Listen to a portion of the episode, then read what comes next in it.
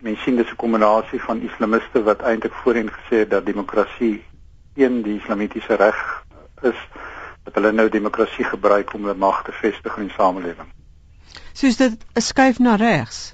Dis definitief 'n skuif na islamisme binne die stelsel en dis moeilik om te sê dat in die islamitiese konteks dit regs of links is want die moslim broederskap as sulks weet ook baie sosiale programme programme om die, om die armes op te hef wat dan gekoppel is aan uh, islam. So dis moeilik om hulle as links of regs te beskryf in westerse terme sou hulle beide elemente eintlik bevat in 'n partyprogram.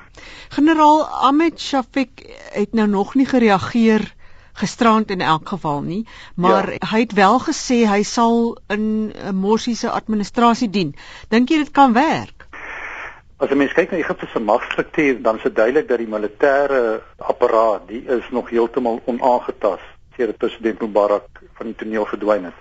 So enige nuwe president wat verskyn, die sal te doen kry met die mag van die militêre veiligheidsapparaat agter die skerms en dis 'n mag wat nie net in die, die veiligheidsmagte bestaan nie, maar dit is indirek in die politiek verweef. Hulle het uh, baie goeie intelligensiestrukture en hulle beheer tussen 10 en 30% van die ekonomie op verskillende maniere. So kom ons veronderstel hierdie president kom in die bewind en die kandidaat van die militêre magte die dien onder hom dan beteken dit nie dat hierdie president oppermagtig sal wees nie. Hy sal rondom hom doen net met die militêre apparaat wat sterk bly en wat eintlik glad nie verander het sedert Mubarak afgetree het nie.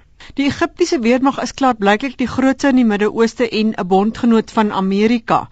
Hoe raak dit Israel? Ek dink die eerste wat mense kan sê is dat die Amerikaners hulle hand in Egipte oorspeel het. Hulle het biljoene dollars van hulp gegee aan die weermag en gedink dit sal verseker dat hierdie weermag hulle steun. Maar toe Mubarak na die kant toe geskuif is, was daar daar waar die Amerikaners glad nie geweet het wat gaan aan in Egipte nie. En dit wil sê dat hierdie bondgenootskap is een wat eintlik bestaan op hierdie stadium op Egiptenare se voorwaardes. Die, die implikasie vir Israel is moeilik om te voorsien wat sou gebeur as die militêre apparaat met hulle ekonomiese belange, wie sal verkies dat die verhoudings met Egipte redelik stabiel bly? Dis natuurlik gegrond op eie belang eerder as dat hulle so vriendelik is teenoor Israel. Wat wel sal gebeur is dat met die moslimbroederskap wat sterker word, die anti-Israel sentimente in die openbare debat baie duideliker word. So daar gaan politieke druk kom van die bevolking vanaf die moslimbroederskap in die parlement en so aan om minstens in die openbaar meer anti-Israel stellings te maak. Maar ek twyfel of dit werklik 'n wesenlike verandering gaan bring in die bedreiging vir Israel vanaf Egipte. Behalwe 'n sterk weermag wat reeds die presidentsie se magte ingekort het sedert Mubarak ontroon is, sê ontleeders Morsi gaan baie teenstand kry van die staatsdepartemente. Dis korrek. Daardie birokrasie is een van die ander groot magspelers binne Egipte.